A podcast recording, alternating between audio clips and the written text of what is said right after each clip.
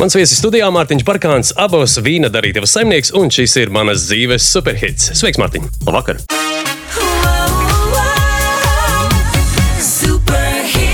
Sāksim ar tavām dziesmām. Tu mums šodien DJ lomā, un tad pamazām, pamazām izdibināsim kaut ko par vīna darīšanu, un droši vien izdibināsim kaut ko arī par tevi. Nu, forši, laižam vaļā. Man, jebkurā gadījumā, mūzika ir bijusi ļoti, ļoti būtiska daļa no, no manas dzīves. Un, um, dažreiz nu, tās ir tādas lietas, kur cilvēki meklē kopīgas intereses, satiekoties. Un, un mūzika, um, manuprāt, visu manas dzīves gaita ir bijusi tāda, nu, tāda savu vizītkārta, ko es piesaku sev kā personību. Un, um, ja ņemot vērā, ka manā Spotify izlasē pāri pat 2000 dažādām dziesmām. Es gribētu teikt, ka kopumā mana mūzikas dzīve ir ļoti, ļoti, ļoti daudzveidīga. Bet tā kā šis ir European Hit Radio un um, ir noteikts arī formāts, uh, kurā mēs gribam šodien uh, pavadīt laiku, tad nu, ir arī dziesmas manā playlistē no, no European Hit Radio uh, standarta un, un žanra. Tā kā cerams, ka būs interesanti. Nu tad lai skan Amy Winehouse Rehab. They tried to make me go to rehab. I said no, no, no. Yes, I've been black, but when I come back, no, no, no. I ain't got the time, and if my daddy thinks I'm fine, just try to make me go to rehab. I won't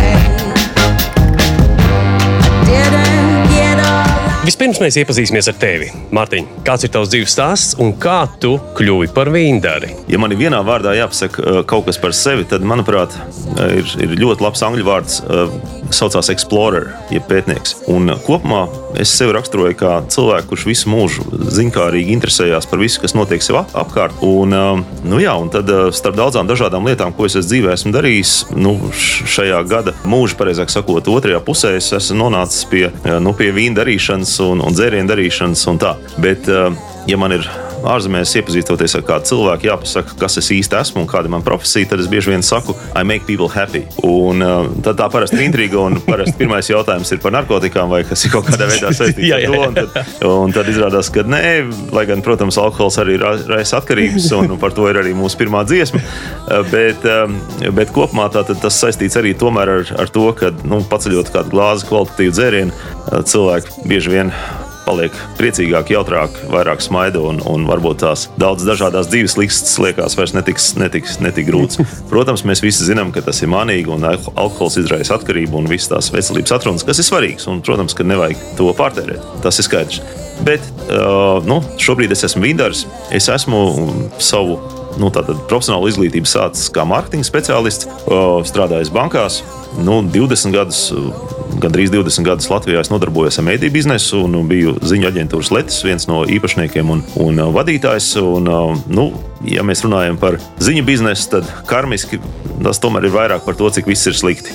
Uh, tad, uh, nu, tad varbūt šobrīd ar, ar, ar to, to, ko es daru šobrīd, man ir iespēja nedaudz atpelnīt, Kompensēt. kompensēt to, ko es esmu darījis tuvu pie, pie 20 gadiem, stāstot to, cik viss ir slikti. Tagad es mēģinu stāstīt to, cik viss ir labi. Bet klausies to, uh, you make people happy. Tas, ka tu padari cilvēku laimīgus, tas ir tikai saistībā ar šo vīnu biznesu? Vai Nē, nu, tas ir tavs nu, dzīves moto? Tā, varbūt tāds? ir man tāda dzīves lieta. Man, man patīk darīt prieku cilvēkiem, un, un patīk, kad man ir pozitīva atmosfēra apkārt, un, un uh, patīk teiksim, būt tādam, nu, nu es nezinu, jā, nu, tiešām tādam cilvēku iedvesmotājiem, un uh, patīk cilvēkiem dot tādu pozitīvu dzirksti uh, viņu dzīvē un attīstībā. Nu, vīns satuvina, mēs jau runājām. Viens jā. atvīna, tas pilnīgi noteikti ir tāds, tāds jā, līdzeklis. Nu, kā tev veicās ar to? Veicās mums tīri labi. Uh, Kaut arī, nu, kā saka, visvieglāk ir nodarboties ar, vai iedomāties, ka nodarboties ar lietu, par kuru tu neko nezini. Jo, kā zināms, mēs esam divi eksperti gandrīz katrā nozarē, spriežot pēc. Jā, jā, jā es pats ar tāds esmu. Jā, jā, pēc mēdī, mēdīju komentāriem, dažādos sociālos tīklos, tad katrs mēs zinām, kā labāk slimot, kā labāk vakcinēties un kā labāk un vēl visu kaut ko citu darīt un hokeju spēlēt. Tad, uh, nu jā, nu, protams, tajā brīdī, kad tu neko nezini par vīnu darīšanu, tad tev tas liekas arī gal galā, kas tur tik varētu būt sarežģīts. Un, un, un, audzēti kokus un izspiest sulu. Sula viņa sarūks un reko arī būs gala produkts. Desmit gadus vēlāk es gribētu teikt, ka tas, nu jā, tur ir liela daļa taisnība, tā, tā, bet katrā, katrā tajā procesā ir daudz dažādu detaļu, kas ir svarīgas. Un, un, protams, ka tu izdari arī daudz kļūdas un, un, un mācies procesā gaitā. Bet manuprāt, tā ir arī tāda, nu vismaz man dzīves pieeja pie, vienmēr bijusi nebaidīties sākt darīt, un tad jau sapratīsim procesā. Mm -hmm. Varbūt izdosies, varbūt neizdosies. Un šobrīd, desmit gadus vēlāk, kopš mēs uzsākām šo, šo ideju, kas bija faktiski tāda tīra, vienkārši nu, emocionāla ideja, vairāk pat nekā biznesa ideja. Nu, mūsu uzņēmums ir pārvērties par, par, tiešām par uzņēmumu, par biznesa projektu, kurā mēs nodarbinām apmēram 20 cilvēkus Latvijā. Mēs esam sasnieguši pāri par 1 miljonu eiro apgrozījumu un uh, gatavojamies augt vēl lielāki. Uh, eksportējam Latvijas preces arī uz ārzemēm. Tā kā nu, es gribētu teikt, ka ir labi ir labi. Kaut arī, ja man pajautātu, vai es iedomājos, kur mēs būsim pirms desmit gadiem, desmit gadus atpakaļ, man bija pilnīgi savādāka vīzija par visu šo procesu. Nu, pirms mēs turpinām, man gan ir jāpasaka, ka pienākumu pēc alkohola lietošanai ir negatīva ietekme. Absolūti. Bet, zinām, prieku tas sagādā. Tas tā starp mums meitenēm runājot. nu, jā. Nu, tie, kas ir eh, kaut nedaudz eh, kādreiz ieskatījušies, nezinu, vai nu vēsturē, eh, vai pat Guinness rekordgrāmatā, ir dzirdējuši par sabili, kas it kā esot tas tālākais punkts ziemeļos, kur tiek vai tika vēl aizvien tiek audzēts vīnogas. Nu jā, tas, tas iemesls, kāpēc mūsu nosaukums ir abavas vīndarītava un mūsu mājvieta, mūsu vīnogu dārzam ir sabils pievārtē, protams, ir lielā mērā saistīts ar šo leģendu un teiku, ko daudz Latvijā zina un, un labprāt stāst arī cilvēkiem uz ārpusi. Un, un es esmu pat atceros vienu, vienu lietu lietainu, drēgnu rudeni, kad no Sabiedrības informācijas centra man zvana un, saka, vai es negribētu aizbraukt uz pilsētu un savākt vienu ķīnieti, kurš izmisīgi meklē kādu, kādu vīnu, ko viņš varētu iegādāties slavenajā Sabilē. Un uh, vēlāk izrādījās, ka tas bija korejietis, un viņš tiešām bija saklausījies šīs teikas un pasakas un, un brauc uz Sabilu meklēt to, to, to Latvijas vīnu. Nu, viņš nonāca pie manis, un viņš tiešām laimīgs arī, arī kaut ko pagaršoja. Bet nu, ir tā, ka, jā, nu, manuprāt, ka Sabilē ir tāds unikāla situācija, ka tā, tā teikuma pasaka ir varbūt nedaudz nedaudz iet pa priekšu tai realitātei, bet eh, kopumā, pateicoties globālajai sasilšanai, šobrīd tātad, um, mūsu reģionā sāk parādīties vairāki vīnogu audzētāji. Ja mēs runājam tiešām par vīnogu vīniem, ne tik daudz par sidriem un, un, un augļu vīniem, kas, kas, kas Latvijā varētu tapt gandrīz jebkurā vietā, tad um, tieši vīnogu audzēšana, priekš vīnu gatavošanas mūsu ielā ir, ir kļuvusi pēdējos desmit gados nu, arvien plašāka. Mēs esam nu, vairāk tādi traki cilvēki. Protams, ka vīnogs audzē arī citos Latvijas reģionos, kā pie Bauskas, pie Liepājas un, un, un kuldīgs un, un tā. Bet, eh, bet jā, nu, tāds uzņēmība, ilgstoši investēt naudu projektā ar samērā neparedzamām sekām, nu, tādu cilvēku tomēr Latvijā nav pārāk daudz. Un, un daži no viņiem esam mēs abos ielējā. Nu, jā, tam ir saistība nedaudz ar to vēsturisko jā, situāciju, kad gadsimtus atpakaļ Hercogs Jēkabs, kurš bija arī tāds traks um, entuziasts, izmēģināt visu kaut ko, ko tik Latvijā nevarētu ražot, gan ar, ar stiklu, gan ar, ar spirtu, gan ar kuģiem un, un, un tirgojās pa visu pasauli. Un uh, Sabils pusē raudzējis, Sabils un Rēns pusē raudzējis uh, vīnogus un darinājis vīnu. Uh, nekas daudz par to nav zināms, cik, daudz tas esot bijis skābāks, kas ir saprotams, jo ziemeļos vīns vienmēr būs skābāks, tas saules tomēr mums ir maz. Tad kaut kur tas viss pazuda. Tad nāca pagājušā gadsimta 30. gadi, kad Kāļa Ulmaņa vadībā tika stādīts šis Sabils Vīnkalns vēlreiz no jauna. Tad nāca Otrais pasaules karš un padomju gadi, kad atkal tas viss pazuda. Un tad 90. gada sākums, kad atkal šī ideja par to, ka Sabils nogāzēs varētu audzēt vīnogas, atsākās. Bet eh, tas ir garš un sarežģīts ceļš. Un, un, un viena lieta ir izaudzēt vīnogas, bet otra lieta ir no šīm vīnogām darināt nu, gardu, saprotamu teikt, dažādām gaumēm atbilstošu vīnu, tur šis izaicinājums paliek jau stingri, stingri nopietnāks. Un uh, arī mūsu projektā bija tā, ka mēs desmit gadus atpakaļ sākām ar to, ka iestādījām 40 dažādas vīnogu šķirnes, un uh, tikai 5-6 gadus vēlāk mēs sākām saprast, ko mēs esam izdarījuši nepareizi tajā pirmajā gadā. Jo lielākā daļa no šīm šķirnēm vai nu neieaugās mūsu klimatā, vai tas gala rezultāts, tas vīns nebija tāds, kā mēs būtu cerējuši. Mm -hmm. Bet, lai to saprastu, tev vajag, nu, vajag to 6 gadus. Nu, 5 vismaz, jā, jā. Gadus, lai to saprastu. Bet kā jūs veicāt to sākotnēju izvēli, tās desmit šķirnes? Nu, es samērā daudz apbraukāju cilvēkus eh, Latvijā, kas audzēja vīnogus, bet diemžēl ļoti daudz no tiem padomu devējiem audzēja vīnogas tādos piemājas dārziņos. Un ar eh, tajā brīdī, kad teica, ka man no šī sanāca gards vīns, man bija jāpadomā, vai ko šis cilvēks saprot ar vārdu gards vīns. Jo katram arī šī izpratne ir savādāka. Manā dārzā aug lieliskas vīnogas, un man arī ļoti gards vīns. Katru gadu, jā, pagājušajā gadā jau īpaši labs bija. Jā, tieši tā. tā kā, nu, lai to pārbaudītu praksē, tad, eh, tad tomēr nākās, nākās ņemt kaut kāds risks arī uz sevi. Uh, paralēli tam es daudz laika veltīju Vācijas vīnkopības institūtos, kas, kur tieši pēta dažādas vīnogu šķirņu izturību dažādos klimatiskajos apstākļos. Jo arī Vācijā vīnogu audzēšana pārvirzās vai pavērās jauna reģiona, kas ir tuvāk Polijas robežai, tātad ziemeļos. Un, un šādi tāda padoma un šķirnes man tika ieteikts no Vācijas, un godīgi sakot, tās laikam arī bija vērtīgākās rekomendācijas, ko mēs esam sapratuši. Jo, piemēram, vīnoga ar skaistu nosaukumu Solaris, kas ir Vācijā radusies vīnoga relatīvi jauna, pirms gadiem 30 radīta šķirne, mūsu klimatiskajos apstākļos fantastiski labi teikt, ir iedzīvojusies, un, un mēs varam darināt vīnu, kas nu, nav sliktāks par, piemēram, tādu saviņām blanku vīnogu vai vīnu stilu, kas būtu līdzīgs Jaunzēlandes sausam, kraukšķīgam, aromātiskam vīnam, jā, tātad, piemēram, no šādas vīnogas solāras. Mm -hmm. Bet mēs eksperimentējam arī turpinam, esam nolēmuši strādāt arī ar Latvijas vīnogu šķirnēm, dažām tālāk. Cik mums tādu ir? Latvijā kopumā šķirņu netrūkst.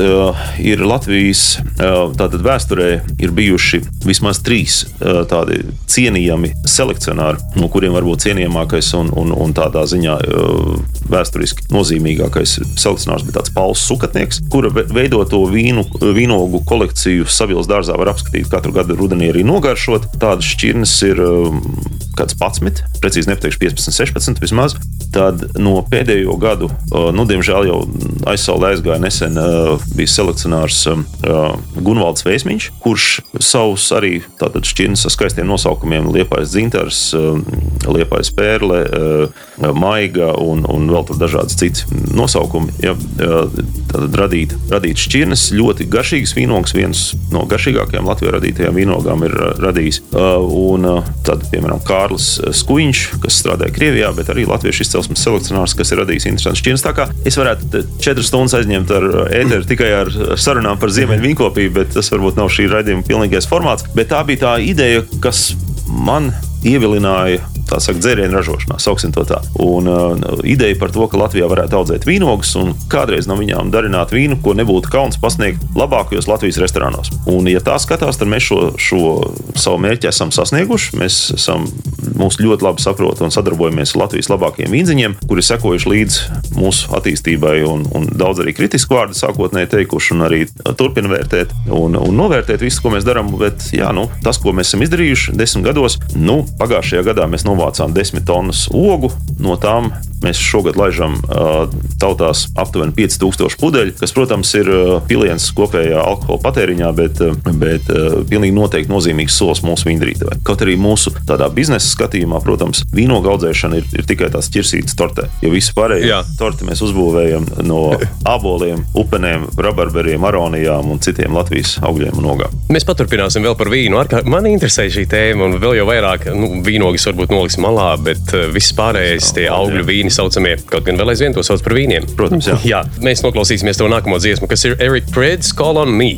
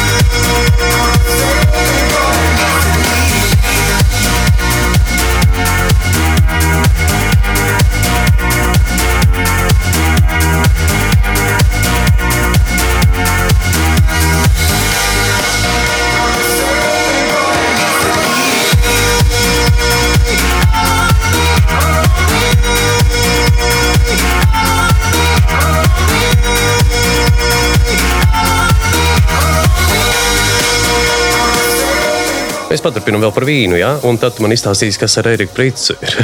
kāpēc, kāpēc Erikam Pricam ir jāsauc, jāsauc eh, Mārtiņu ar vīnu pudeles iemā? Jā, nu jā, tā tad eh, jā, ja man pirmā dziesma bija, bija ar, ar zīmīgu nosaukumu Rehab, un, un tā kā mēs klausāmies raidījumu svētdienas vakarā, tad, tad es gribētu teikt, ka ļoti daudz, daudzreiz arī manā dzīvē ir bijušas tās situācijas, kad svētdienas vakarā tiek zvērēts, ka mēs nekad vairs neko un, un, un ne malku, un, un parasti tas, tas, tā situācija noturās varbūt labākā gadījumā līdz nākošajai piekdienai.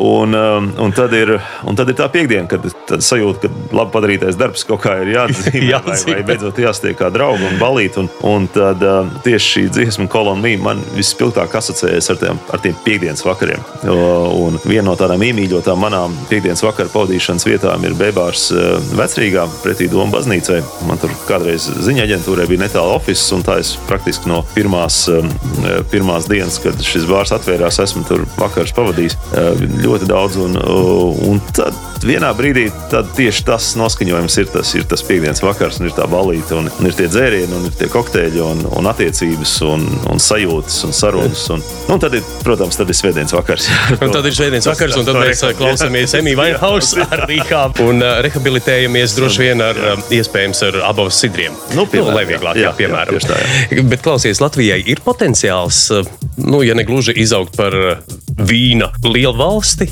bet principā nu, izvērst to vēl plašāk. Es domāju, ka kas attiecās uz vīnogām, nu, tas ir naudas un uzņēmības jautājums. Ja? Jo potenciāls domāju, ka tur ir, ir bet eh, jautājums, cik daudz cilvēku ir ar, ar naudu, ko viņi ir gatavi ieguldīt eh, bez garantēta rezultāta un ļoti tādās ilg, ilgtermiņā. Tas ir, es domāju, pirmais jautājums. Ja? Jo, jo nu, salīdzinoši, teiksim, mums daudz bagātāka valsts kaimiņos, kā Zviedrija, šobrīd ir apstādījusi aptuveni 120 hektārus ar vīnogām. Lielākoties arī šī pati vīnogu solāris tiek uzskatīta par nākotnes vīnogu. Un, acīm redzot, nu jau relatīvi daudz cilvēku Zviedrijā uzskata, ka tam ir nākotne un ir vērts tur ieguldīties. Bet salīdzinoši, protams, ar tiem tūkstošiem hektāru, ko stāda dažādas citas, tādas klasiskākas vīnogu valstis, ja tad mums līdz tam vēl ir augt un augt. Un tā kā runāt par lielu valsti, es domāju, ka mums te nav vieta. Bet doma par tādiem interesantiem, unikāliem ziemeļos augušiem vīniem, es domāju, ka teiksim, tāda, tāda vieta tajā vīna pasaules kartē mēs, mēs varētu kādreiz būt. Nu, līdzīgi kā piemēram Kvebekas province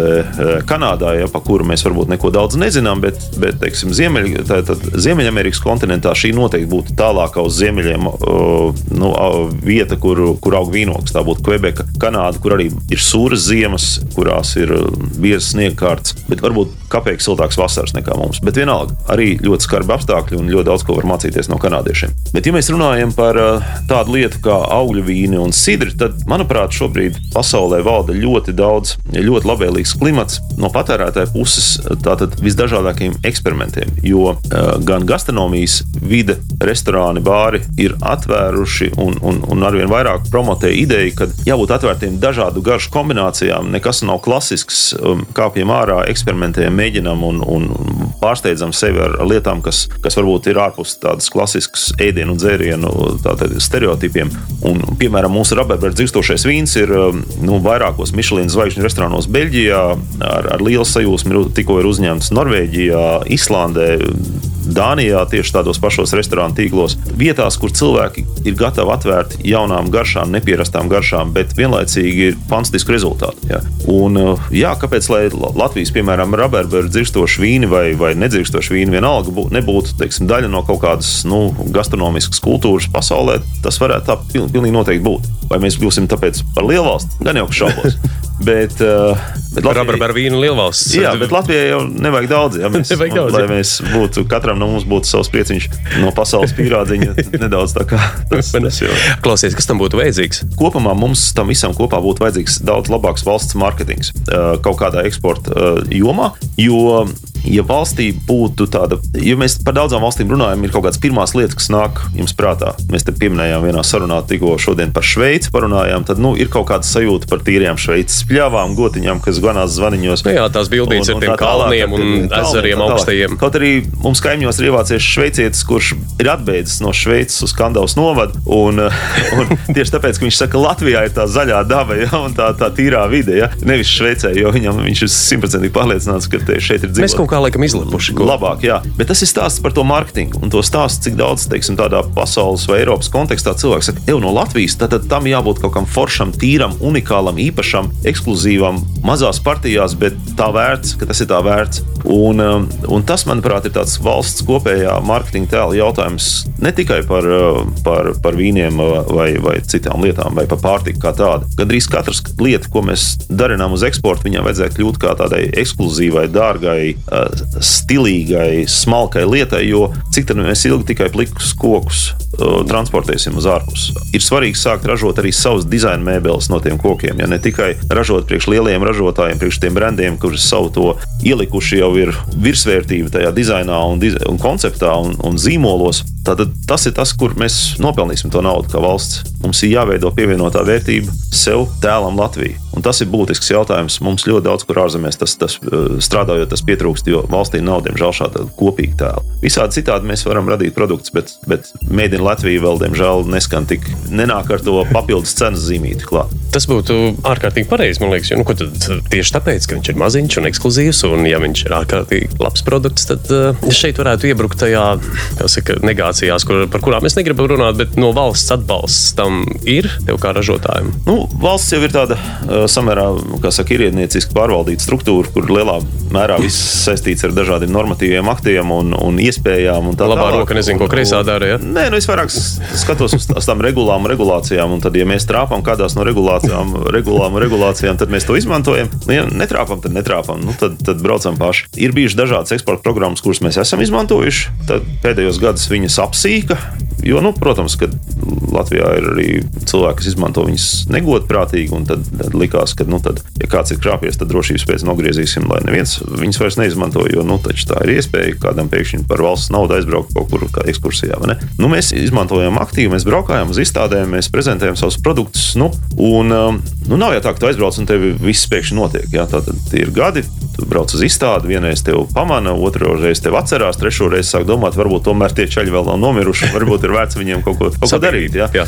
Nu, tā, tā ļoti daudz pārtiks uzņēmumu, nu, mūsu žanrā spēlējošu pārtiks uzņēmumu, kuriem mēs parunājam par šo eksporta stratēģiju, tieši to arī saka, līdz tādiem kaut kādiem stabiliem eksporta kontraktiem, nu, tie 3, 4, 5 gadi bieži vien, jo tikai tad tu veido tādu ticamības efektu, kad tas uzņēmums no šīs valsts uh, būs. Bet, uh, bet ok, programmas ir, viņas ir pieejamas, varbūt nevienmēr tām nozarēm, tai mūsu nozarei, tas arī ir jāskatās, jo mēs esam tomēr alkohola ražotāji. Bet, uh, bet tad, protams, tas, ja jūs sagaidat kaut kādu atbalstu no, no, no valsts vai no Eiropas institūcijām, ir jārēķinās ar ļoti lielu birokrātiju. Tā kā tam nāk, protams, papildus izmaksas arī klāt. Tad cilvēki, kas kārto visus tos papīra kalnus, lai ar to pēc tam atskaitītos, norakstītu un tā tālāk. Šobrīd mēs re realizējam vienu no tādiem Eiropas projektiem, kas um, saucās Sidra ceļš, kopā ar lauku ceļotāju un vēl uh, pieciem citiem Latvijas sidra darinātājiem. Mēs esam izveidojuši tādu iespēju apceļot Latviju uh, un iepazīties ar Latvijas sidru. Tātad dzērienu, kas ir darināts no aboliem, Latvijā augušiem aboliem. Uh,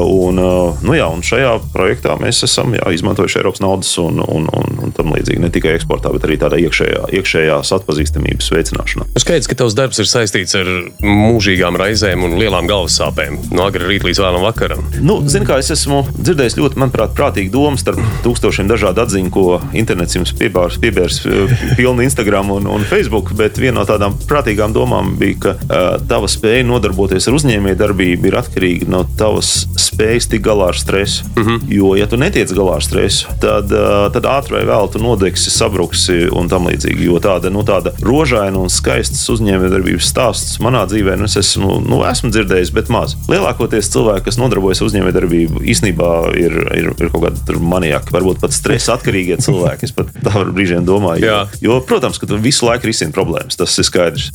Bet, bet tas gandarījums, tas, kas man personīgi patīk, un te varbūt nāk mana tāda nu, šovu biznesa salīdzinājums, ja tas tā kā tādam māksliniekam, ka pēc vis, visām tām radošajām mokām un, un, un neveiksmēm vēl kaut kādu izēju skatus, un, un tu uzdziedi to dziesmu un uzspēlē, un tu redzi to enerģiju, kas tev atnāk pretī no, no tās auditorijas, un novērtē to, ko tu esi izdarījis, tad viss pārējais aizmirstās. Un tad tev liekas, ka tu esi gatavs iet atkal un atkal to darīt, atkal un atkal. Un atkal. Un, manuprāt, tieši radiostacijā, un tajā, kas vietā, caur kuru tā, tā, tā mākslinieka, kā saka, gara darbi tiek laisti tautās, par to ir vērts parunāt. Jā, jo tas, tas ir tas, kāpēc, manuprāt, tā industrija vispār eksistē. Tikai tāpēc, ka cilvēki nu, grib sajust to atdevi. Jā, tu atbildēji uz manu izdomāto, bet nenoformulēto, nepateikto jautājumu, kas tev sagādā vislielāko prieku. Bet kā tas izpaužās tieši tavā sfērā, tā es, enerģijas atdeve? Es, es samērā daudz laika veltu tiešiem kontaktiem mūsu klientiem. Pie mums brauc uz degustācijām ļoti daudz dažādu cilvēku. Tā ir fantastiska iespēja gan, gan sajust šo atpakaļ atdevi, gan redzēt to, kā cilvēki, kas ir iebraukuši ar skeptisku, bieži vien sajūtu vai atvilkta līdzi, no labi, es atbraukšu tev līdzi. Jā, nu ko tu tur? Jā. Tā tālāk, kas te Latvija spēja aizbraukt atpakaļ ar, ar smaidu sejā, ar to sajūtu, ka viņi kaut ko jaunu uzzinājuši, viņiem ir pavērusies kaut kāda līdz šim nezināma pasaule, un mēs to esam varējuši viņiem iedot. Jā, protams, ir šīs garšas, vienam patīk sausāk, saldāk, tur skābāk un tā tālāk. Mums ir pietiekoši plašs produktu klāsts, lai, lai trāpītu gandrīz katrā garšas sajūtā, gan,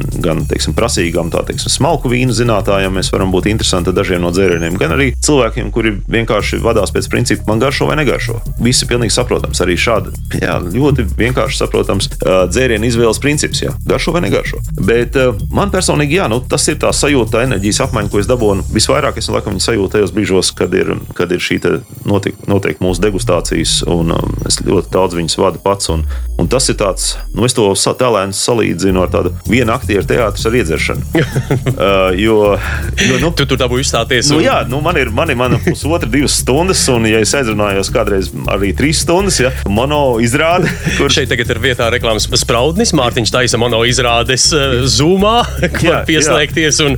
Nu jā, Covid gads ir, COVID gads ir, man, ir, man ir iemācījis jaunā formātā, un mēs taisam šīs degustācijas nu, internetā. Jā, nedaudz salīdzinos dažreiz ar citu, citu industriju, kas aktīvi jau šo metodi ir strādājuši ar internetu. Bet, bet nu, jā, nu, mēs aizsūtām klientiem mūsu dzērienus, un man ir bijušas situācijas, kad nu, 60, 70 cilvēki. Kas iedomājos, piezvanīt, tev tas pie, nu, internets iezvanās, un tad tu tā, labdien, jūs esat piezvanījis apavas vīnu darītāji.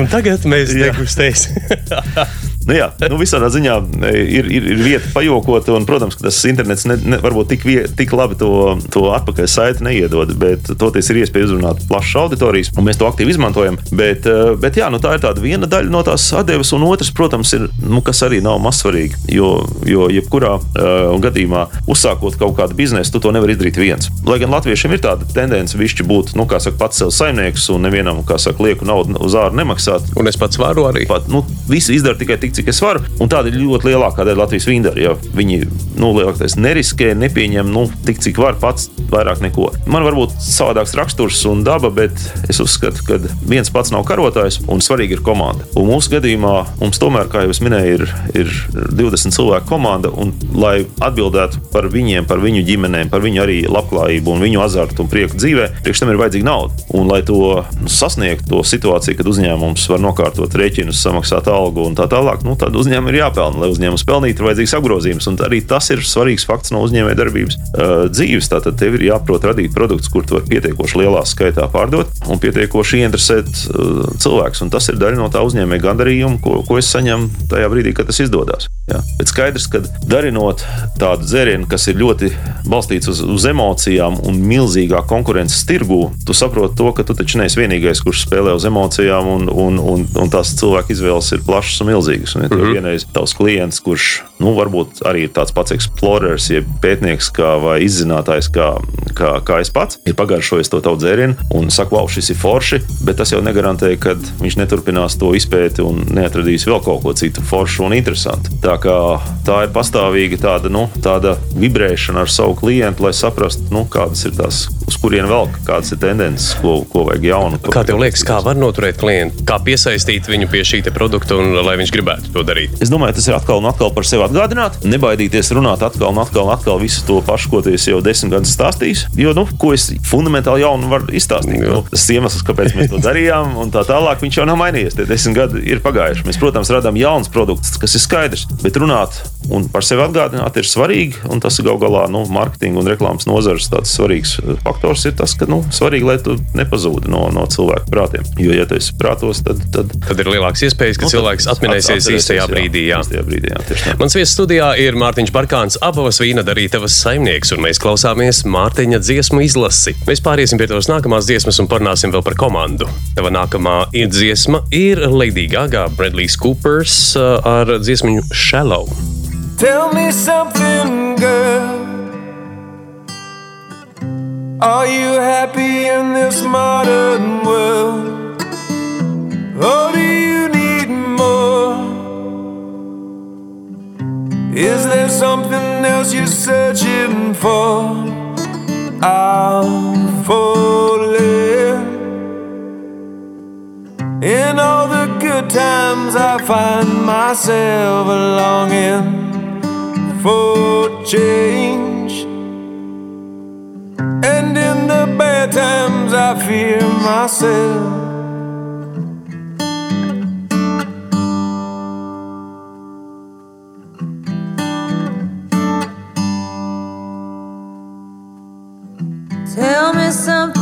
Boy.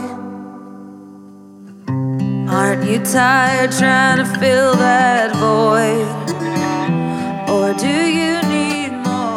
Vispirms pajautāšu par to dziesmu. Un dziesma uh, man ir viena no tādām spilgtākajām dziesmām pēdējā manā pusgada laikā, kas, protams, nav jauna dziesma, bet es tikai nesen noskatījos to filmu, kurā, manuprāt, atkal un atkal tiek runāts tieši par to, ko mēs jau pieminējām iepriekšējā stāstā par šo mākslinieku dvēseli, par mīlestību, par izdegšanu, par, par to, kā tu sajūties, ka tu tiec tajā kalnā augšā un to sajūti, ka tu krīt no viņa nost. Jo galā viņa ir skumja un Jā. vai ne? ja, savā būtībā, bet arī ar, ar tādu nu, to, to mīlestības stāstu, kas, kas nu, dažreiz tev uzrauj augšā un dažreiz nosviež tev lejā. Tā kā, manuprāt, ļoti cilvēcīga dziesma no, no mākslinieces, kas, nu, kurai arī dzīvē ir, it kā mēs varam teikt, viss ir, viss ir spoži un skaisti, bet visbiežāk jau tā nav. Un visbiežāk aiz visas tā spožuma un skaistuma slēpjas nu, daudz dažādas traģēdijas un, un sāpes. Un, un, manuprāt, šī bija tāda viena dziesma, kas, kas, kas liek padomāt par to, cik, cik nu, jā, tas viss dzīvē notiek. Nu, tās filmas traģika, man liekas, bija tieši tajā, ka tas vīrietis netika līdzi tā, tam, jā, tam tam- slavas tam, kāpienam, un, uh, un viņš arī negribēja bremzēt viņu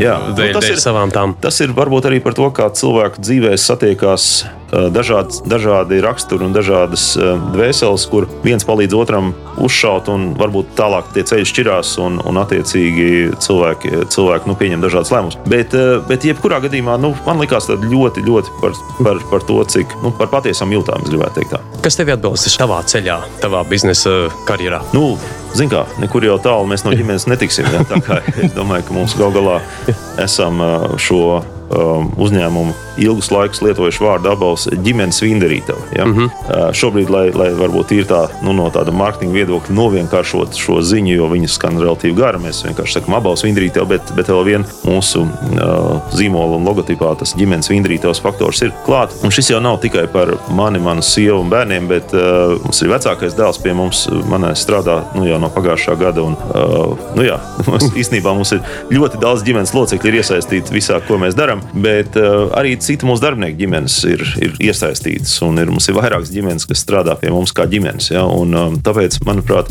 uh, es gribētu teikt, ka, nu, lai ko mēs darām, tā ģimene ir tāda liela svarīga vērtība visā tam, tam apakšā. Un, ja tu vari sajust um, atbalstu un komandas garu no ģimenes, tad tas ir fantastiski. Nu, Galvenais, lai tas nekādā brīdī nekur nesabruktu. Jā, protams. Tieši tā, jā, jā. Nu, tur vēl es kaut ko gribēju par, par to, tas mīlestības stāsts. Nu jā, mīlestība, pareizi.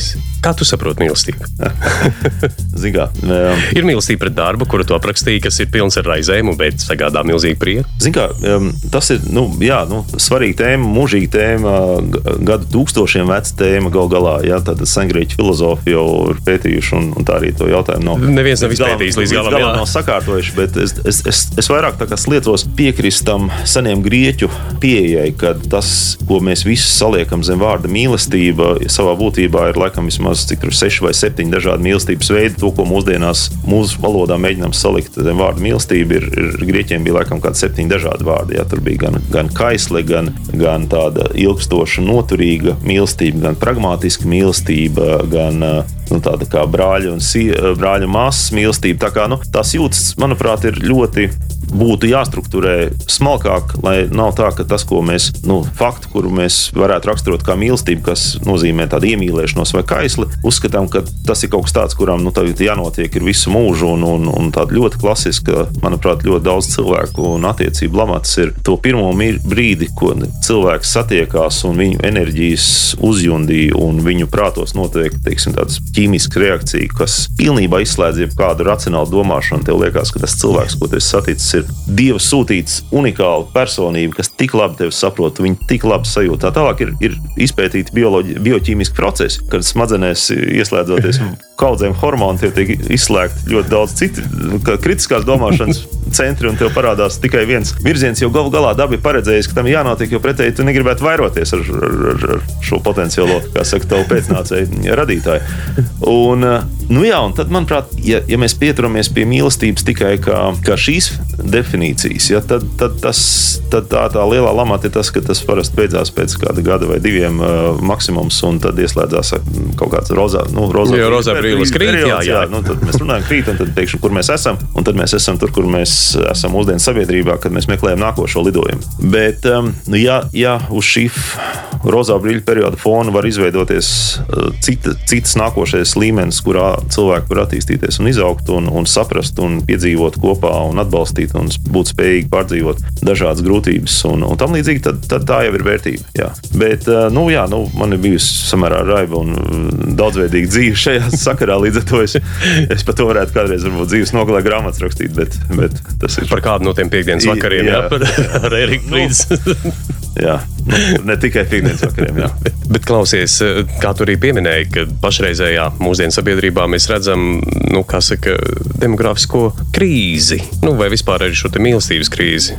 Nu, par mīlestību ir grūtāk komentēt tādā, tādā ziņā. Es domāju, ka tas, kur mūsdienu sabiedrība dzīvo, ir tāda um, seriālā monogāmija, kad, kad um, nu, ņemot vērā, ka ģimene ir kļuvusi ne tik ļoti saimniecisks vai ekonomisks veidojums, kā tas bija tiksim, gadsimtiem ilgstoši. Tad vairs nav šī te, uh, nepieciešamība veidot ģimeni, lai, lai ekonomiski saturētos kopā. Vai lai izdzīvotu, lai izdzīvot, pat, jā. Jā, un vai, vai teiksim, salikt lietas kopā. Cilvēks spēj sev nodrošināt neatkarīgi. Arī bērnu loma vairs nav tik ļoti nozīmīga, kā tas bija kādreiz, jo vēsturiski nesot pensiju fondiem un pensiju kapitāliem un uzkrājumiem un valsts sociālās apdrošināšanas sistēmai, principā vienīgais tās pensiju kapitāls bija bērni. Mm -hmm. ja, tad vai no tev bērnu uzturēs vai neuzturēs, nu, tad uz vienu paļauties nevar drošības pēc. Uztais desmit.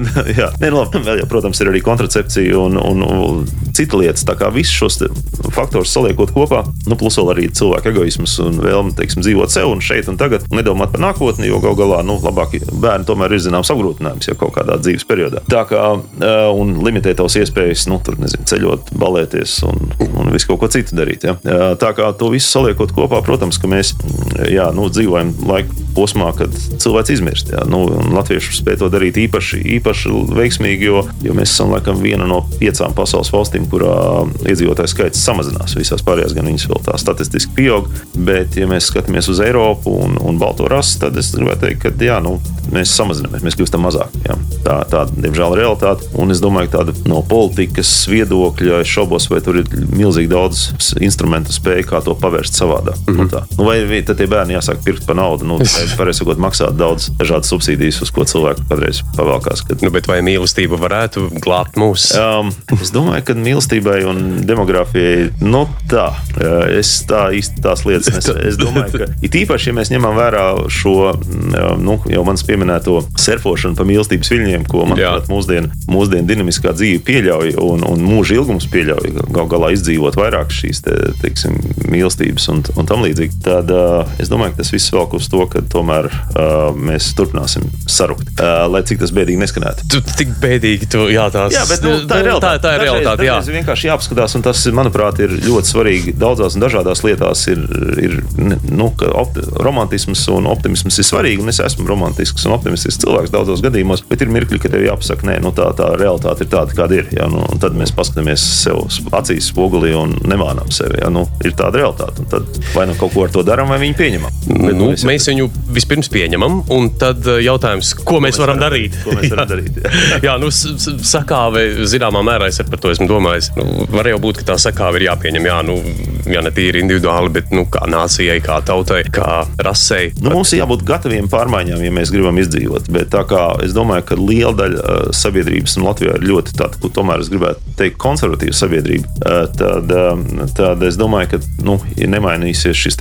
konservatīvisms pret, pret to, ka nu, pret pasaules ienākšanu kaut vai mūsu, mūsu teritorijā, mūsu vidē un tam līdzīgi, tad, nu, tad mēs vienkārši paliksim mazāk. Vai mēs spēsim sev uzturēt visu šo teritoriju vispārējais, bet tā jau ir cita saruna. Tā, mm -hmm. tā ir vairāk no, no demogrāfijas un politikas tēmas. Liksim pie, pie miera politiku. Ne, politika var, var uzjundīt nevajadzīgas emocijas. Nē, nē, nu, visas emocijas ir svarīgas. Galvenais, lai, lai mēs, nu, kā saka, nu, saka, pārāk no tām nu, spējam no viņiem izdarīt kaut kādus secinājumus. Tā vai citādi jādzīvo ir šeit, un arī tagad, un jārīkojas, jādara tas, kas ir jādara. Un, tas, kas, un tas, ko patīk darīt. Nu, zin kā, manuprāt, mēs kaut kad neglābjam, katrs nonākam pie vienas svarīga jautājuma, kāda ir dzīves jēga visam tam, ko mēs darām. Kāda ir mana dzīves jēga, kāda ir cilvēka dzīves jēga kopumā. Un, es priekš sevis esmu to nodefinējis jau daudzus gadus, un, un mēģinu to arī šo tēzi uzturēt un propagandēt. Kad, manuprāt, cilvēka dzīves jēga ir radīt. Jo, ja tu savā dzīvē esi kaut ko radījis, tad tu esi nodzīvojis kaut cik pilnvērtīgu dzīvi. Jo tu vari arī nodzīvot visu savu dzīvi kā patērētājs. Un uh, mūsdienu sabiedrībā tas ir ļoti viegli. Ka tu radi tik daudz, cik lai tev, ir, lai tev pietiek tam patēriņam, un, un tālāk fokusējies uz, uz patērēšanu, bet, bet praktiski neko nepienes klāt sabiedrībai. Un tā radīšana var būt gan demogrāfijas veicināšanā, protams, arī uh, svarīga lieta, gan varbūt mākslās uh, un biznesā vai kā savādāk. Bet, bet, bet ir svarīgi tomēr, manuprāt, dot un radīt sabiedrībai, un, un, un, un tas ir tas, kas manuprāt, katram cilvēkam, kā individam, būtu bijis jāpadomā, kādā brīdī, ko es esmu radījis, ko es atstāšu aiz sevis. un. Man personīgi tas ir svarīgi, un es pie, es pie šīs atziņas turos. Es tev pilnīgi pievienojos, jo tieši tā es mēģinu atgādināt, katru rītu pieceļoties, ko es šodien radīšu, kas šodien būs. Un uh, citas dienas ir veiksmīgākas kā citas, jā, tas ir uh, neizbēgami. Nē, nu skaidrs, ka tu nevari radīt nepārtraukti. Ja tev ir arī kaut kāds brīdis vajadzīgi, ka tie ir piekdienas vakar un, un, un, un, un tie arī, arī nē, es tev vienkārši varētu oponēt šajā brīdī, jo pat satiekoties ar cilvēku, tu vari radīt viņam kaut mirkli prieka. Jā, jā, protams, jā. Nē, nē, Nu, tāds sīkumiņš. Tu vari iedvesmoties galu Jā. galā jau vienā, otrā, trešā situācijā. Tu, tu saķer tas bija tas, ko tu dari. Jā, jā I bring saķer- people jā, happiness. Jā, tu, vai arī saķer kaut kādu iedvesmas mirkli, kas tev pēc tam nosēžās un tu saproti, bet tur kaut kas bija no tā, kaut ko var attīstīt tālāk. Jā. Nu, tā. Bet, nu, labi, tā mums ir nedaudz filozofija. Nu, kāpēc nē? Jā. Šeit, ko gribam, to runāt. Tā ir. Klausamies to nākamo dziesmu, kas ir Avicii kopā ar Ritu Oru Lonely Together. It's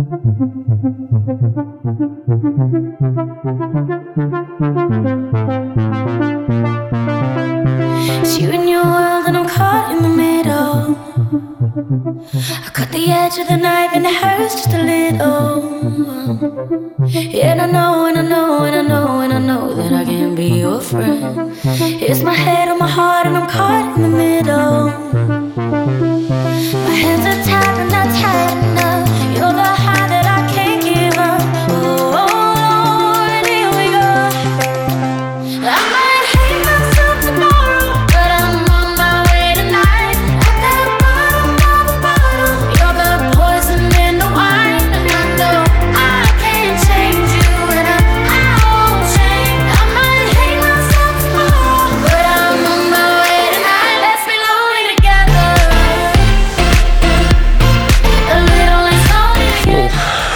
Tāds skumjš motīvs ieskanās, jā, Lonely Together.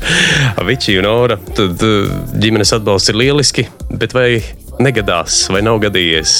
Droši vien gadās, bet Lonely Together būt ā, kopā un justies vientuļi kaut kur vai nu darbā, vai sabiedrībā, vai vienkārši ar dzīves filozofiju kaut kur nesaprastam. Es domāju, ka katra cilvēka mm, tāda nu, lielākā lamata, eh, kurā mēs iekrītam, ir, ir, ir, ir mm, un ļoti daudz cilvēku viņās tajās lamatās iekrīt. Tas ir savas personīgās laimes, sajūtas, pārli- atbildība par savu personīgo laimi, uzlikšanu uz citu cilvēku. Un klausoties, tīpaši mūzikās, mūzikas tekstos, ļoti daudz kur tiek propagandēta šī ideja par to, ka es bez tevis nedzīvošu, vai Jā. tu man esi viss, un tagad man Nu, dzīve nav Šekspīrs, Romeo un tālāk, es tevi mīlu vairāk. un tam līdzīgi. Un man šķiet, ka tā, tādā nu, pa, pamazām pieaugot pašam un saprotot un analizējot tā teikt, dažādus šos eh, cilvēku emocionālās izaugsmas eh, procesus, eh, es esmu pieņēmis domu, ka ir jāprot būt arī, arī vientuļīgam, arī esot kopā, vai arī tad, ja tas tev liekas, ka kāds tev nesaprot, esot blakus un tā tālāk. Jo beigu galā tev jāprot kā cilvēkam pašam atrast priekšu sevi un neuzlikt šo ikdienas atbildību savam tuvākajam vai kaimiņam, un, un, vai darba biedriem, vai kā savādāk, vai priekšniekam, vai valstī beigu galā, vai nezinu, kam vēl par to, lai es justos labi. Un tā tomēr ir tāda, manuprāt, ir, ir izaugsmas katras personības izaugsmas mirklis, kurā ļoti daudz cilvēku no dažādām, gan, gan no reliģiskām uh, teiksim, vidas nākotnē, gan, gan no filozofiskas vidas skatoties uz, uz šo cilvēku personības izaugsmu, spēja būt laimīgam pašam arī esot vienam. Ja? Tā kā tas, manuprāt, ir uh, svarīgi. Tas nav vienkārši. Ir vieglāk justies novērtētam un, un, un gribētam un visādi citādi uķuķuķuķu, būt tam bērnam, kur mamma vai ne vai kāds Visu laiku paslavēja, jā, jā, jā. tā tālāk. Bet jā, nu, tā, tā tas ir. Un, un, un teiksim, ir kaut kāda daļa no tās, tās mūzikas vidas un dziesmas, kas, kas tev par to atgādina. Un, um, vai arī vismaz paceļ to, to tēmu. Jā, vai, vai, nu, tā. Nu, Latvijas radošie cilvēki to jau ir aprakstījuši, kad nekas nav palicis tevī. Paliek vairs tikai, Tikai prieks. vai ne? Tas prieks, kas dzimst pats no sevis, tas prieks, kas tavs. Ienaidnieks. Ienaidnieks man gribētos izņemt ārā. Tur ir prieks, kas tavs pārinieks drīzāk. Ir pārinieks. Kad nekas nav palicis tev, kad paliks vairs tikai prieks, tas prieks, kas dzimst pats no sevis, tas prieks, kas tavs ienaidnieks. Jā, tiešām tā. Nu, tā, tā ir tāda lieta, jā, nu, mēs.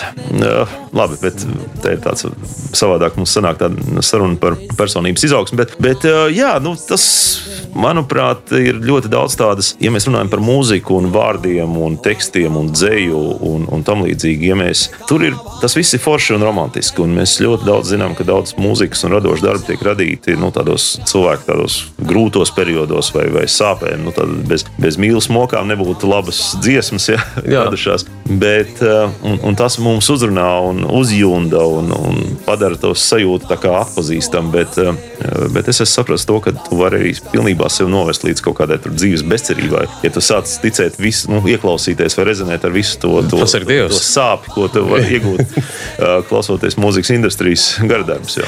Bet klausies, kā, kā nostāties uz tām savām kājām? Nu, ja vispār mēs izvirzam kaut kādu tēzi, kad ir, jautā, nu, ka ir kaut kāda metode, kā. Jo, jo ir skaidrs, ka ir jābūt pašpietiekamam, sevi stabilam. Jo īpaši, ja tu esi vīriešu cilvēks, tev ir jā, jā, jāprot un jāatbalsta ģimene un Nu, jā, jāuztur. ir, es domāju, ka viena tāda, tā, kā, cilvēki raksta grāmatas, veido garīgās prakses, un, un gal galā cilvēki dodas retrītos. uh, Visu kaut ko dara, lai dabūtu šo te, sev atrastu atbildi uz šo jautājumu. Jā, tā kā nu, ar, ar pāris teikumiem radio mēs neatbildēsim, bet, bet uh, skaidrs, ka uh, kaut kāda nu, nezinu, meditācijas prakse, garīgās izaugsmas prakses, kurām, kuras ir pieejamas dažādās formās un veidos um, uh, un metodas, ir, ir vērts painteresēties vienā brīdī. Manuprāt, ja mēs ļoti daudz tādu dziļu, dziļu, dziļu rokam iekšā, tad beig galā mēs visi nonākam, mēs varam kļūt par budistiem, jo, jo, jo gal galā budismu uh, pirmsākums bija, bija, bija šīs reliģijas, nu tāpat īstenībā nav reliģija, varbūt drīzāk filozofijas. Uh, Ka kam viņi tiek uzskatīti par ateistisku? Jā, vai ne? filozofija. Uh, Pirmsākums radās ar, ar cilvēku mēģinājumu saprast, nu, kā sasniegt laimi, tad, kad tev viss ir. un Tad tad tu nonāc pie situācijas, ka tev nekā nav. Un, un tu saproti, ka tikai tad, kad tev nekā nav, un, un tu nekā no, ne no viena negaidi, tad tikai tad tu vari būt pilnīgi laimīgs. Ja?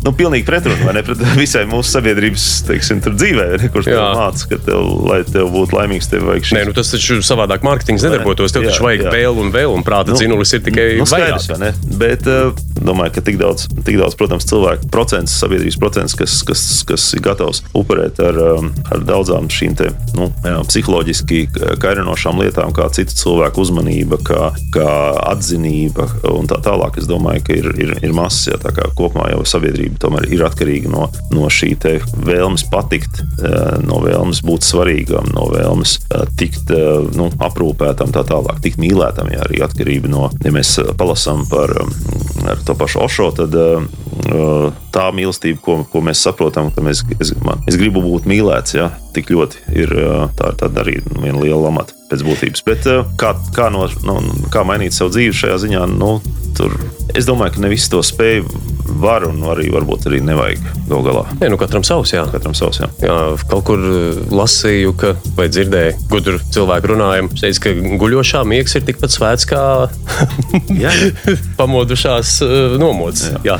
Nē, nu, jebkurā gadījumā viena tāda liela, manuprāt, uh, prasme ir um, lai, ja tu vēlies sasniegt kaut kādu laimi, samazini savas expectācijas ja, mm -hmm. pret, pret lietām, pret cilvēkiem, pret dzīvi, jo tu mazāk kaut ko gaidīsi vai, vai uh, sagaidīsi. Jo tev mazāk būs vilšanās, tad, kad tev kaut kas, vai tieši otrādi, tev būs lielāks prieks, ka kaut kas notiks, mm -hmm. uh, un, un tev būs mazāk vilšanās par to, ka kaut kas nenotiek pēc tava plāna. Nu tā. Un tā ir tāda neliela metode dažos dažādos sīkumos, kur īstenībā tu vari pieķert sev pie domas, ka jo mazāk kaut ko nu, pēc kaut kā tādā ziņā sagaidi no kāda vai no kaut kādas situācijas, un tu, tu to dari. Bet, bet, ja tas notiek, tad ir forši, bet, ja nenotiek, tad, nu, ok, tad tā vilšanās fāze tev izpaliek. Vai viņas pat nav? Jā, jā, jā. tieši tā. Un uh, šajā ziņā man tāds mm, liels uh, nu, atziņu skolotājs bija mana vecmāmiņa, kura man nekad nepārmeta, piemēram, par to, ka es maz pie viņas vi- viesojos. Ja, kas ir klasiski, manuprāt, vecu cilvēku problēma. Jā. Viņi ir vieni un, un, un jaunajiem ir aizņemti, un mēs visi ar savām lietām attīstīt biznesu. tev bērni jau un tā nav tālāk, un tev laika, nav jā. laika, un tas bie- bieži vien tu dzirdi no saviem, nu, kā saka, vecākiem cilvēkiem, ka, jā, nu, kaut kāds pārmetums. Un, jo vairāk dzirdi pārmetumus, jo tev mazāk gribās em, emocionāli kaut kā tur tajā lietā, jo tu zini, kā man atkal pārmetīs par kaut ko. Un tajā brīdī, kad manā vecmāmiņa spēja radīt to, to sajūtu, ka, lai kad es ierados, lai kādā stāvoklī es ierados, lai, vai kā, kas, kāds ir bijis tās, tas backgrounds, viņa bija priecīga, laimīga par manu vizīti, un, un, un viņa vienmēr man teikusi, ir forši, ka tu atbrauc. Nevis, vai- kāpēc tu neatbrauc? Vai tā tālāk. Aizvakar, jā, vai vēl pagājušā jā, vai kaut ko aizmirst, vai tā tālāk. Un tā bija tāda fantastiska sajūta. Man liekas, ka um, es pats vēl trenējos, nonākt šajā vidē, šajā sajūtā, jo, jo, jo ikdienā tu taču kaut Man ko liekas, tas gaidi tāds no varbūt vecākās paudzes viedums. Man vecā māte arī tieši tāpat tās. Lai vienalga, kad es aizbrauktu, viņu vienmēr bija priecīgi redzēt, vienmēr viss bija. Bet nevienu reizi, nekad, nekad Jā. netika pateikts, kāpēc uh, nu, tu nebija tad vai tad. Vai ne? Vai, vai, jā. Jā. Tā kā nu, ja mēs brienam tādos, tādos nu, dziļos ūdeņos iekšā, tad tas, protams, ir tās lietas, par ko ir vērts padomāt cilvēku dzīvē. Vismaz kādā dzīves periodā. Galvenais, lai tas ūdens silts ir. tas dziļais ūdens. Jā, filozofējam ar budistu Mārtiņu Barkānu, abas vīna darītavas saimnieku. Nu, mēs te nejauši aizinājāmies līdz Jā. budismam un, un ā, šādām cilvēciskām lietām. Bet tas ir interesanti. Man liekas, par citām tēmām, nu, var šai vaļā parunāt. Jā. Bet ā, man liekas, ja, ja mēs ā, paši sev varbūt pakustinam un rosinam sevi padomāt par to, varbūt arī kādam citam pielīp šī te, ā, vēlme padomāt kādā klusā, varbūt ne tik klusā vasaras vai ziemas vakarā, malkojot kādu sidru vai abos vīnu, jā, kas arī rosina pārdomām. Filozofs dzēriens vīns. Klau, uh, nu šeit mums tāda tradīcija ir, pirms mēs noklausīsimies tavas pirmās vietas ieguvēju no tava nosacītā top 5. Uz galda ir austiņas, Mārtiņ. Un es tev atskaņošu superhits jinglu, un, protams, ka es gribēšu, lai tu dziedi līdzi. Es esmu bundzinieks. Es, es esmu bundzinieks tikai tāpēc, ka es ne, nevaru dziedāt. Es nu, dziedāt. mēs dzirdējām, balss tev skan, viss ir kārtībā. Uh, jā, es, es biju tas viens no retiem puišiem skolā, kas pieteicās korī, jo man tiešām gribējās dziedāt. Man noklausījās skolas um, dziedāšanas skolotāja dziļi nopūtās un teica, nu labi, es tevi nosēdināšu starp diviem labiem dziedātājiem. Tu galvenais velc līdzi un nedziedi pārāk skaļi. Būs labi. Man, man ir tieši tas pats stāsts. Divreiz nepieņēmu muzikas skolā, bet es acīm redzot, es par to neraudu. Un nesūdzos, klausies, dziesmas, kas liek justies labāk, superhits, uu, superhits, nu kaut kā Tā, tā. šitā būtu tagad Jā, tu, es tev tu ieslēgšu, un tu dziedi pa nē, virsmu. nē, šis pauksts, es nevaru. A, Tu vari bungot līdzi. Nē, nē, nē, nu, nē, nē, nē. Nē, nu, tu, tu, tu nedziedi tik augstu, tu dziedi savā bet man šī ir rīktīgi nav viņa to iekārta. Es varu daudz ko Nu, bet, paņem oktāvu zemāk vai divas. ne- Nu, tur man problēmas. ir. Tā. Dziesmas, kas liek justies labāk, superhits! Superhits! Nu, redzi, burvīgi. Paldies tev! Re. Mēs uzlabojam savu jinglu ar katru raidījumu, ar vien vairāk un vairāk. 21. gadsimta hīti, dziesmas, kas liek justies labāk kopā ar Mārtiņu Barkānu, abas vīna darītavas saimnieku. Un tad beidzot, soli pa solim, mēs esam nonākuši līdz tava nosacītā topa pirmajai vietai. Armins Van Burens, Mr. Probs, Another You. I'm not saying I'm not sorry. Just looking for another you. It's not getting any better. But what can I do when there's something wrong? When we keep holding on to the best days. I'm not saying I'm not sorry. Just looking for another you.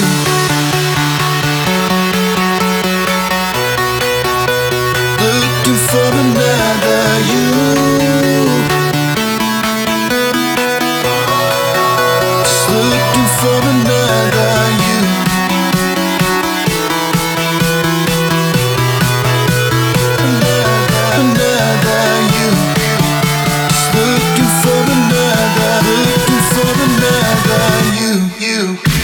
Vai tad ir vēl kāds Mārtiņš?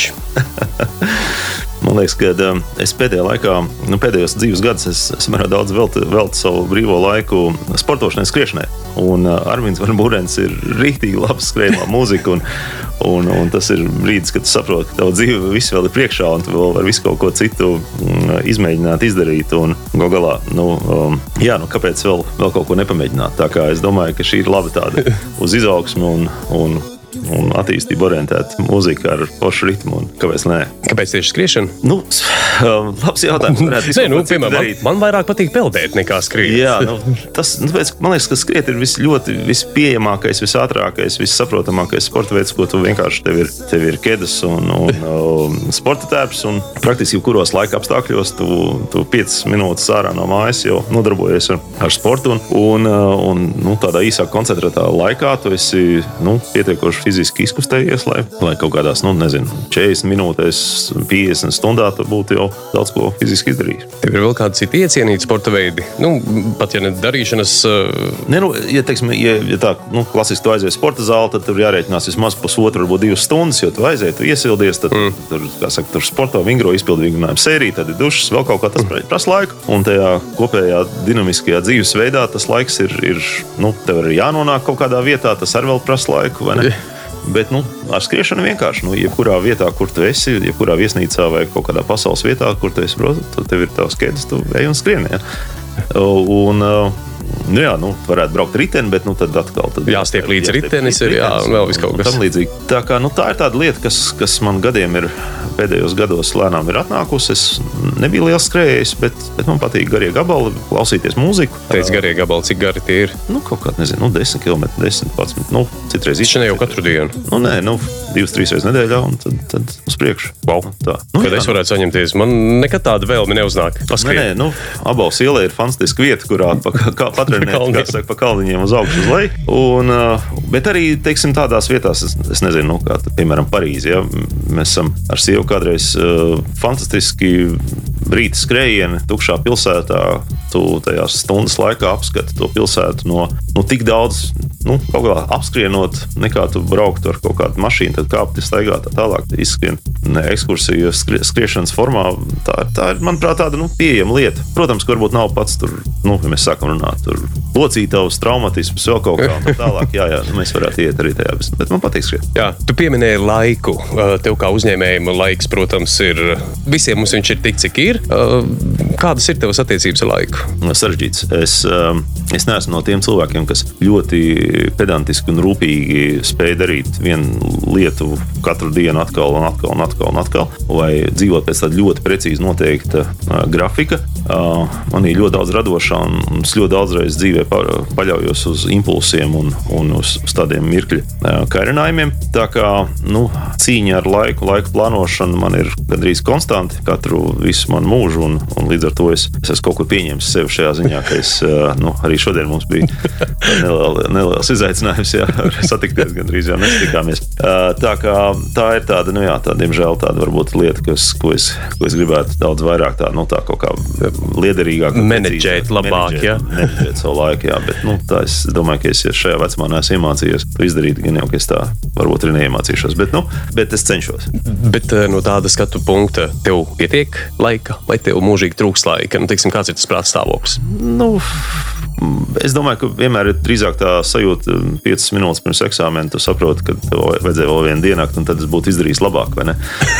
Vai kaut ko iemācījies labāk, vai kā savādāk. Bet, bet tā tu vari iedzīt sev paškritikā un par katru lietu, ko tu dari. Un, un, un es arvien vairāk pēdējā laikā mācos vienkārši pieņemt dzīvi, kad viņa tāda, kā ir. Tu izdari to, ko tu vari izdarīt, centies pēc labākās sirdsapziņas, un, un tev nav jābūt perfektam. Jā. Un, um, un kas ir varbūt mūsu biznesā, tīpaši tādā ģimenes biznesā, ļoti, ļoti grūti ir novilkt to robežu starp darbu un privāto laiku. Jā, jo, jo, un abās virzienos, gan tajos virzienos, kad darbs ielaužās privātajās sarunās 11. vakarā, saka, kad jau cits ģimenes nezina, par ko runā, bet gan jau par darbu nerunā, vai vismaz daļa no ģimenēm. Gan arī otrādi, gan arī tad, kad vajadzētu strādāt, tu turpini risināt kaut kādas privātas lietas. Tā kā tas, tas strādā uz abiem virzieniem, un tās robežas novilkšana privātā biznesā, manuprāt, ir esot uzņēmējiem, nu, tā ir tāda nu, reāls izaicinājums. Man ar sievu arī kādreiz bija kopīga darīšana, kopīgs uzņēmums, un tad uh, tieši tas, ko tu stāstīji, nemitīgi viņš iet cauri dienu un nakti. Nu, jā, nu, bet tā ir daļa, tā ir, tas, tur ir arī savs šarms tajā visā. Mm. Un tas kopumā. Bet man liekas, tas, ka nu, es nezinu, manā gadījumā tas likās tāds tas stiprinošs faktors. Mums bija abi interesanti tajā procesā. Un, Nu, jā, bet nu, varbūt- tas, protams, arī nu, ar gadiem arī var izrādīties netik ļoti stipri. Netik bet, nu, jā, bet nu, tas, tas kā, kaut kā ir jāmācās tās robežas vilkt uh, vienā un otrā virzienā. Nu, mēs esam gandrīz jau nonākuši līdz mūsu redzējuma izskaņai. Tad varbūt kā tādu skaistu noslēgumu, ko tu, Mārtiņ, novēlētu tiem, kas mūs klausījās, tiem, kas mūs dzirdēja. Nu, Pirmkārt, man liekas, ka ir svarīgi dzīvot dzīvi ar iedvesmu. Tātad, un, un tad ir jautājums, kādi ir tie jūsu iedvesmas uh, avoti, un katram atrast to savu avotu. Vai tā ir laba mūzika, vai tas ir nezinu, forša kafija rītā, vai, vai kāds nezinu, romantisks piedzīvojums, vai kāds mērķis, kuru jūs gribat sasniegt. Nezinu, ceļojums, vai satikšana, vai cilvēki, tā tālāk, vai, vai kaut kāds gandarījums, vai uzkāpt kalnā. Man liekas, ka dz- dzīvē vajag dzīvot ar to, to mērķi, to garšu, to sajūtu, to iedvesmu. Un pat tad, ja viņi ir pazudusi, viņu ir vērts atrast atkal un, un dzīvot tālāk. Paldies, tev, Mārtiņ, par sarunu. Lai sokas! Paldies!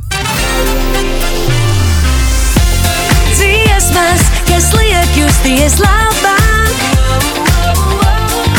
Superhits